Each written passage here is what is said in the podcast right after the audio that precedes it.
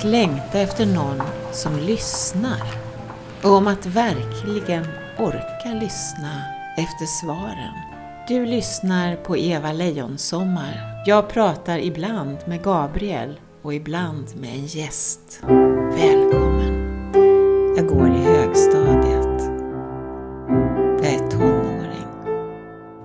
Jag sitter på den högra sidan, ganska långt bak i kyrkan och lyssnar på pastorn. Den unga pastorn som jag faktiskt lyssnar på när han talar, när han predikar, när han sjunger och bär fram vittnesbörd, som det heter, i det sammanhanget där jag finns. Frikyrkan, Missionsförbundet, en liten ort i Mellansverige. Jag är med i församlingen, vuxendöpt. Predikan är slut, men eh, pastorn säger att han har någonting som han ska framföra. Han har ett budskap till en eller flera som han måste framföra. Han känner detta så tydligt i sig. Det är en kallelse. Någon ska bli kallad eller någon blir kallad. Det är inte så att han ställer sig och pekar ut denna någon. Men jag vet ju att det är jag. Det är mig det handlar om. Mitt hjärta börjar att öka i puls. Jag är alldeles röd, känns det som, i hela kroppen, ända ut i örsnibbarna. Det är mig han pratar om och det är mig Gud pekar på. Det är mig Gud vill någonting med. Och en kallelse är, ja men det är så stort. Det är liksom livsavgörande. Det är som att bli utplockad, utvald. Och i ett annat sammanhang kanske det skulle vara som att ja, men bli uttagen i landslaget eller jag vet inte, kanske vinna på då högsta, högsta vinsten. Alltså det är så mäktigt. Det är någonting som, ja men det händer bara en del. Och det handlar i de här sammanhangen inte om att man ska vara speciell. Utan det har jag förstått att Gud kan peka på vem som helst, kan peka på värsta syndaren.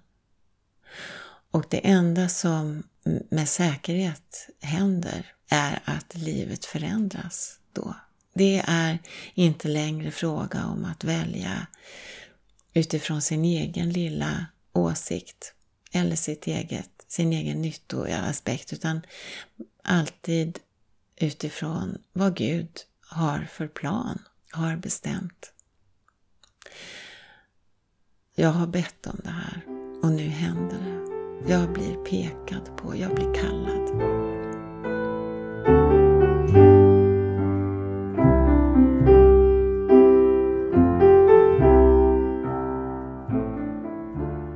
Jag är 18 eller 19, jag har gått ut gymnasiet. Det blev inte riktigt som jag hade planerat. Det var något som hände på vägen där. Någonting som hände i min kropp som gjorde att mycket ställdes på ända igen. Jag har fått ett brev av en annan pastor i församlingen. Det känns konstigt. Varför skriver han till mig? Jag öppnar brevet och läser. Oj. Jaha. Det är alltså någon i församlingen som har sett att jag har varit med i Broderskapstidningen. Det är alltså en kristen socialdemokratisk tidning. Att jag har varit med på grund av en mässa i Storkyrkan under frigörelseveckan den homosexuella frigörelseveckan. Jag har varit med på bild, jag har låtit mig intervjuas, jag har kommit ut som lesbisk och kristen, som lesbisk och tillhörig en frikyrkoförsamling. Där står jag i intervjun och säger att jag är fullkomligt trygg i förvissningen om att min hemförsamling inte gör någon skillnad på mig.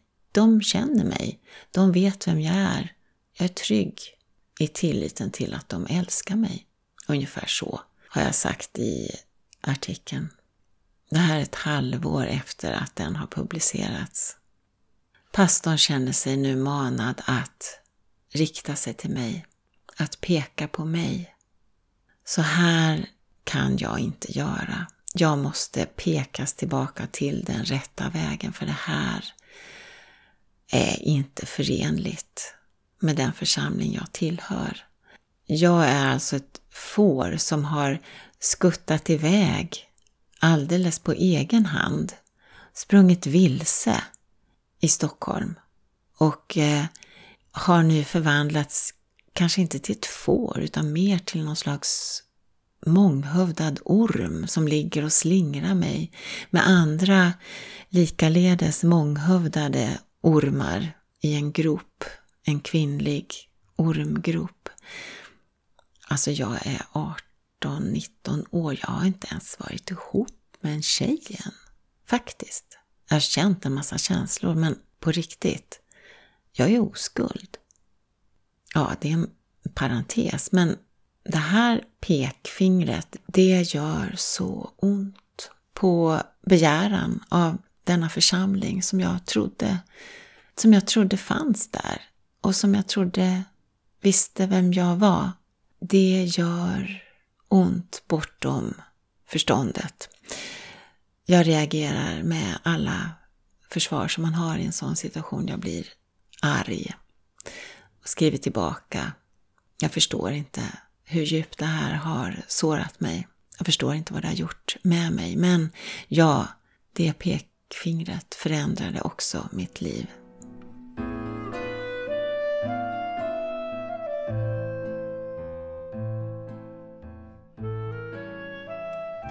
Jag var 22, 23 kanske. Och jag var ute och gick med en väninna i Rålambshovsparken i Stockholm. Vi gick förbi där i alla fall.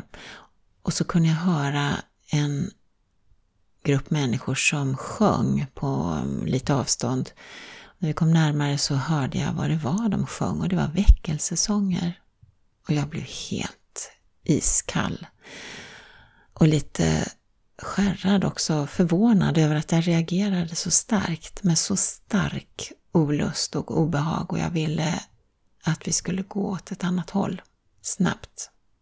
Jag hade alltså fått ett trauma och undvek därmed allt vad kristendom, frikyrka hette under många, många, många år. Det var naturligtvis inte bara den här enstaka händelsen utan det fanns såklart mycket som fick en annan, vad ska jag säga, mm, en annan klang kanske omkring sig, runt sig, än vad det här hade haft tidigare. Som var kopplat då till min uppväxt inom frikyrkan.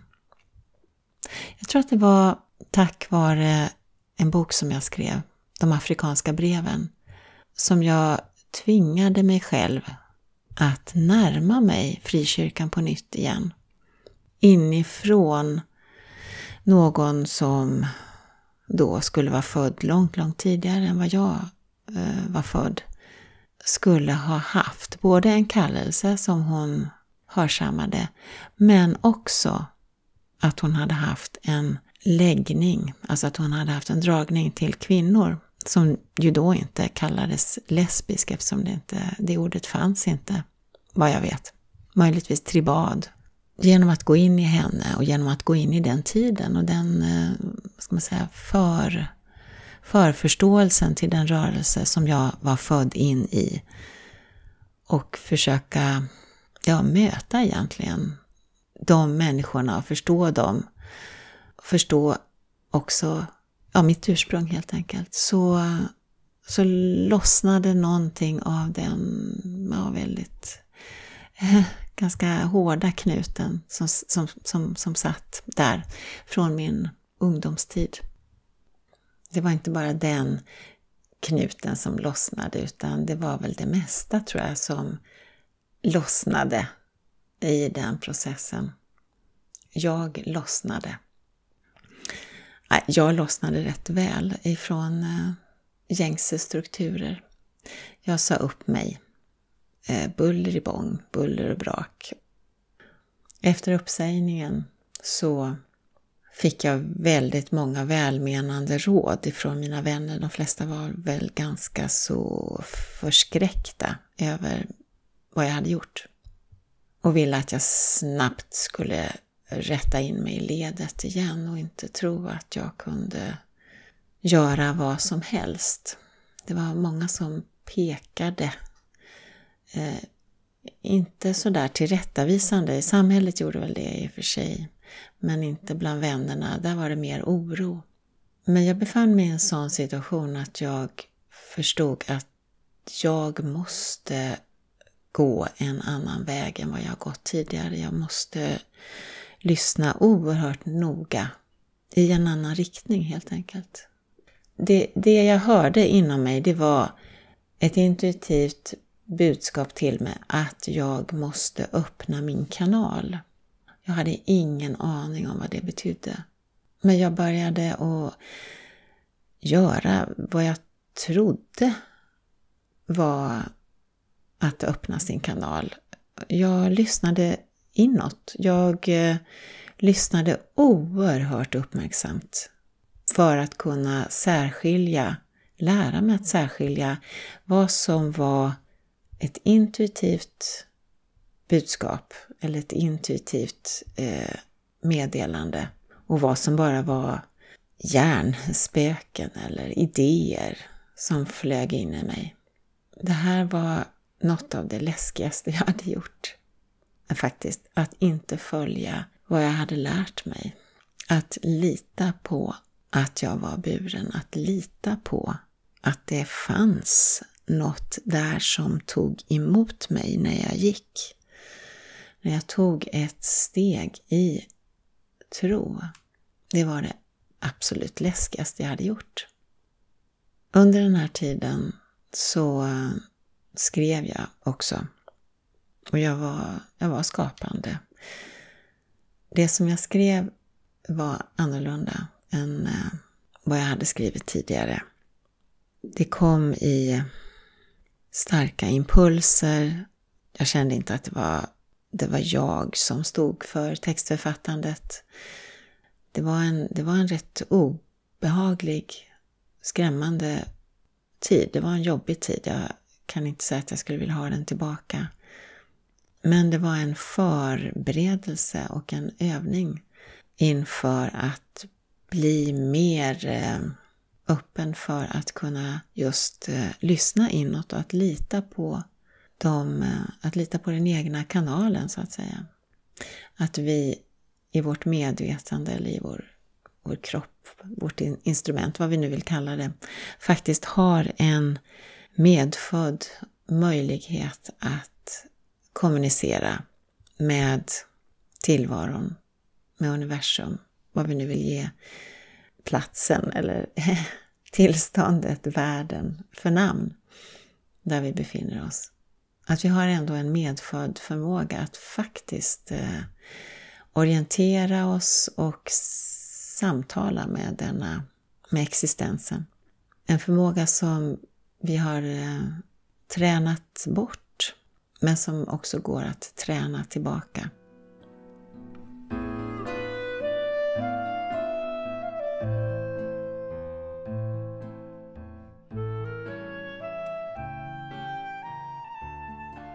Här tiden då som jag gick i tro och lärde mig att lita på min intuition så kände jag att jag hade en lärare kanske en slags inner tutor, intuition kan man ju se som, som just det där, det finns en inre lärare. Och så var verkligen upplevelsen att jag lärde mig genom att gå, genom att göra, genom att eh, vara i, i, en, i, ett, i en stark närvaro, i ett just lyssnande till nästa steg och nästa steg och nästa steg utan att kontrollera hela dansen som en perfekt tango. ju mer jag kunde luta mig in mot min osynliga tangopartner och lita på att vi synkade. Försöka hitta den där liksom rytmen och falla in i ett eh, famntag. Desto bättre gick dansen, desto mer flödade musiken genom oss. Jag och min osynliga tangopartner. Mm. Jag var också väldigt arg många gånger och tyckte att jag hade fått en riktig narr till eh, lärare. En sån här eh, trickster, maverick. Det kanske var det jag behövde, ville ha eller det kanske är ja, vad, vad som passade mig. Eller det kanske är mina färger, den jag egentligen är. Ja, jag ska sluta nu med ett tumgrepp återigen från 2017 blev det den här gången. Och då är det en fråga som handlar om ett föredrag jag ska hålla på Pride House i Stockholm under Eh, Prideveckan. Och jag har anmält mig som författarförlag. Eh, och på den tiden fanns faktiskt inte författarförlag som en juridisk person. Eh, ändå så fanns eh, författarförlag på hemsidan och det fanns som en slags iscensättning. Lite kvantfysiskt sådär, det fanns och det fanns inte. Det berodde, om man tittade på det så fanns det, om man vände bort blicken så slutade det att finnas. Det här var ju lite svårt att förklara för Pride-ledningen. Eh, att jag då inte var ett, ett, en förening eller ett företag och att jag inte borde betala så himla mycket bara för att få stå på scen och demonstrera detta framträdande utan att jag borde få göra det som en ideell person. Eh, så det är det min fråga handlar om. Torsdagen den 27 juli 2017. Kanalisering för att fråga om föredraget på Pride House. Kan ni förklara för mig vad det här föredraget som jag ska hålla handlar om? Kan ni kasta ert ljus över situationen som gör mig ledsen när jag får ett fyrkantigt bemötande och ett slags misstroendeförklaring från ledningen? Din fråga är ställd ur det perspektiv och från den känslogrund där du nu befinner dig. I fråga om innehållet är det redan klarlagt och bestämt att du ska komma att visa för dem som kommit för att lyssna på dig hur det går till när man skapar något nytt genom att så att säga gå i tro, i god tro. Det är vad du har gjort dig skyldig till och det är världens mest effektiva vapen för att skaka regeringar och organisationer i sina grundvalar. Men också ett klassiskt redskap som ni människor alltid har använt för att skapa den eller de situationer som ni sedan går in i och låtsas finns på riktigt, i motsats till de möjligheter som omger er, men inte ligger inom räckhåll för ert perspektiv, eftersom ni är tvingade, kan man säga, av tillvaron att välja plats och position i en ständig ström av intryck och möjliga utvägar och möjliga ingångar. Så länge ni inte känner er manade eller tvingade, tvingade att ändra er, er utgångsposition, så länge återskapar ni er verklighetsbubbla, kan man säga. Mycket förenklat, men som en bild som går att förstå för de flesta av er. Det du kommer att demonstrera för de som kommer för att lyssna på det du har att berätta är just att det går att både skapa och att leva på det sätt som du beskriver och även demonstrerar med din berättelse. Du har så att säga gjort det igen, skapat medan du talat. Tagit ett kliv in i en framtid som ingen trodde var möjlig, men som nu blivit möjlig tack vare ditt och många andras steg i en riktning som ingen tidigare visste fanns. Pride är ett exempel i sig själv. Du påminner om att det är möjligt att gå på regnbågen, precis som din figur Leffe påstår i sina små tal på Youtube. Lås dig inte vid något ännu så kommer allt att flöda lätt och enkelt i precis rätt proportioner och doseringar för att du ska kunna genomföra allt det du drömt om att få säga från en större scen till en intresserad publik. Var i ditt inre ljus så möter du din regnbåge och ditt mest skimrande inre glitter. Amen. Happy Pride allihopa. Tack.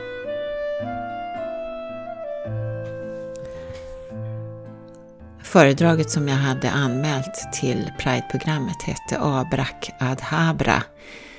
Eva Lejonsommar samtalar med förlagets vaktmästare, Leffe, om performativt förläggande och konsten att gå på en regnbåge.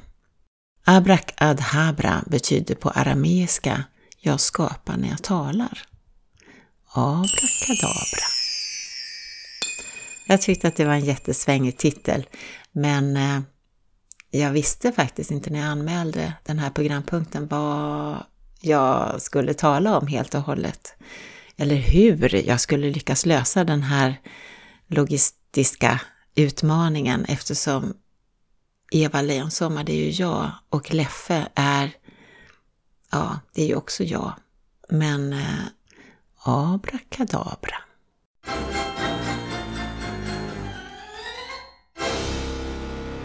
Det löste sig. Författarförlag är ett förlag som jag har blivit lurad till att starta kan man väl säga.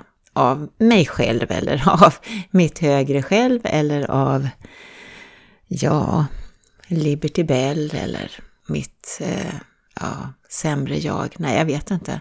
Som jag blev i alla fall tvungen, nej inte tvungen, men jag blev faktiskt, jo, jag kände mig lurad att starta författarförlag. Och jag kände mig alltid lite dum. En blandning av eh, sådär dum som när jag inte har kontroll över saker och ting och eh, dum som när jag inte helt och hållet förstår briljansen i denna dans som jag liksom utför då med min tangopartner, min osynliga tangopartner. Jag känner att jag borde fatta vad det är jag gör, men jag gör inte det riktigt. Jag når faktiskt inte själv upp till den här nivån. Jag kan se att det finns en briljans över eh, en del av tilltagen, men ja, jag känner mig rätt korkad faktiskt när jag själv snubblar mig fram.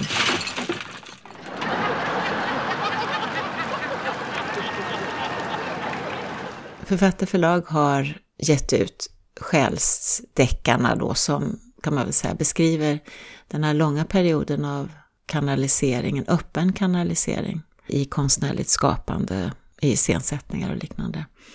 Författarförlag kommer också nu att ge ut eh, ytterligare en serie böcker som kanske mer beskriver det som jag pratar om i den här podden. De frågeställningar som jag kretsar kring. Och det är en serie på, om tre som handlar om en kvinna som heter Elin. En medial särbegåvning som är rätt besvärlig och eh, påminner om kanske min egen besvärlighet. Och som tidigare så har jag blivit lurad att skriva de här böckerna. Jag kan inte förklara det på annat sätt. Jag har också, vill jag tillägga, blivit lurad att ge ut dem på författarförlag. Ja, så kan det gå när man lyssnar på sin inre clown.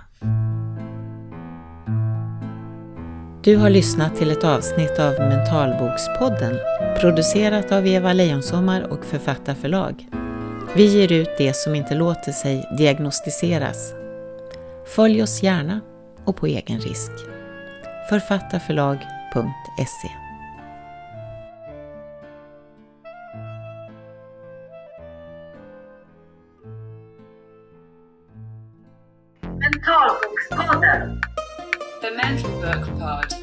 Året är 2028. Kontaktytorna i huvudstaden är bestrukna med ett grafenliknande material som gör att Stockholm med invånarnas hjälp fungerar som en självprogrammerande superhjärna. Elin, en svensk teknikflykting, har inte varit i Sverige sedan 2021. Nu har hon blivit kallad att delta i utvecklingsprogrammet på Romanteknologiska institutionen. En satiriskt skruvad samtidsspegel i tre delar av Eva Lejonsommar. Den första delen kommer ut våren 2020 på Författarförlag. Häng kvar en stund och lyssna. Det var farligt att stiga för snabbt till ytan utan att tryckutjämna på vägen. Jag fick hela tiden instruktioner från läsmaskinen som kommunicerade med min kropp via silverhuvan. Och nu var jag tydligen nästan tillbaka. Jag viftade med tår och fingrar och sträckte på axlar och nacke. Det var en märklig känsla av att ha suttit som en inbäddad observatör i min egen kropp under hela inspelningen. Sinikka hade förklarat för mig hur maskinen var programmerad för att hitta en säker och lämplig väg förbi det medvetna jagets spärrar utan att eh, skada den mest centrala delen i vår inre projektor.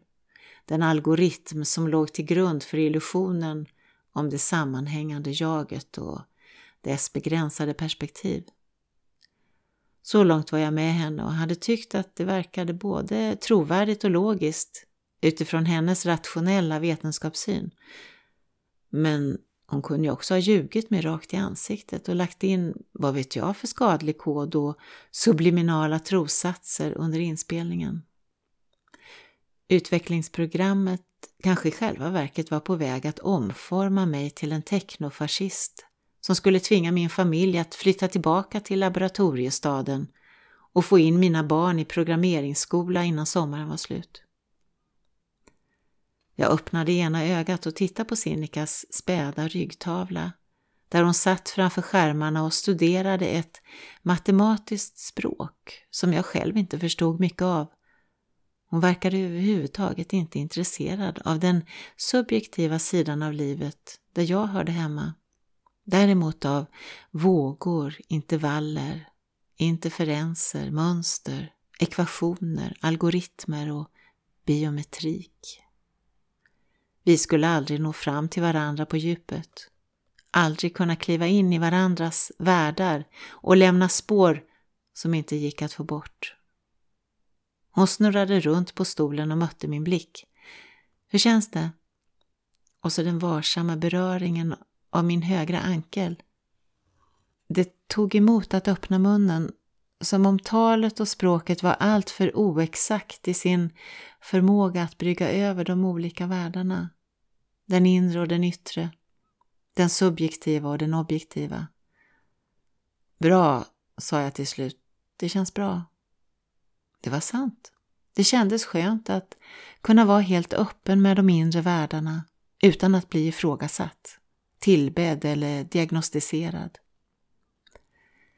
Sinikka hade visat mig på skärmen hur det såg ut när Elisabet bröt igenom. Det var inte en inbildning, det var ett helt annat mönster som framträdde. Som om jaget kunde vara en portal till bredvidliggande världar. Eller en kristallmottagare som ibland hoppade över till kortvåg. Min livsberättelse innehöll magnetiserade maskhål hade Sinikka berättat och pekat på ett vektormönster på skärmen. Jag fattade inte vad det betydde men jag hade bett att få bilden utskriven på papper och satt upp den bredvid det så kallade konstverket inne på mitt rum. Erik hade såklart ifrågasatt Sinikas tolkning medan Jill hade tittat på mig som om hon förstått någonting mer. Någonting som jag inte själv hade begripit ännu. Det är bra om du kan ligga kvar en stund och vila tills din hjärna har stabiliserat sig på en dagsmedveten nivå. Du får ett röstmeddelande när du kan ta av blockhuvan. Jag log lite till svar. Jag tyckte om att ligga kvar och guppa i de långsamma alfavågorna som inte ritade upp så skarpa konturer på väggarna utan vaggade mig under tiden som jag upplevde hur det ursprungliga minnet bytte plats med det exploaterade minnet. När jag eh, tog av mig huvan skulle jag inte minnas det första minnet. Däremot skulle minnet av minnet ha blivit tydligare. Det var det minnet jag sedan skulle ha med mig in i nästa moment, korrläsningen. Jag tyckte fortfarande att det ordet var missriktat. Minneskorrigering skulle ha varit ett ärligare ord. Men jag förstod också att det ordet inte skulle gå hem i en hyperdemokrati. Korrläsning av den egna berättelsen fungerade däremot. Vi var författare nu, vi som spelade in våra liv genom läsmaskinerna och fick ut mitt livs novell i andra ändan. Eller en roman i, något, i någon passande genre. Man kunde välja på allt från klassiska format till avantgardistiska smalspår som hybrider eller genre-cocktails. Det fanns genrer som ingen mer än författaren själv hade hört talas om Men ingen av mina kurskamrater verkade särskilt ledsna för att bottnen hade gått ur bokmarknaden i och med den nya romanteknologin. Det som alla istället surrade om nu var den nya tekniken för att bli fri från sin berättelse. Alla verkade sträva efter att kunna bli någon slags egobefriad postnarcissist som kunde logga in på supramedvetandet. En klicktjänst i hjärnan, som stadens vise män Hamid och Samir kallade det. Jag tänkte förstås på likheterna med en sekt. Jag försökte verkligen att släppa tanken, men jag kunde inte avstyra minnesbilderna från att lägga upp sig ett visst mönster som satte fart på mina betavågor. Välkommen tillbaka till verkligheten Elin, hörde jag där på en mjuk och melodisk kvinnoröst in i luvan. Du kan nu sätta dig upp och ta av dig blockhuvan. Tack för ett gott samarbete. Du är välkommen tillbaka för korrläsning så snart du har bokat en tid med Sinikka. Ha en bra dag och tänk på att dricka ordentligt. Det är 32 grader i solen och temperaturen beräknas stiga ytterligare under eftermiddagen.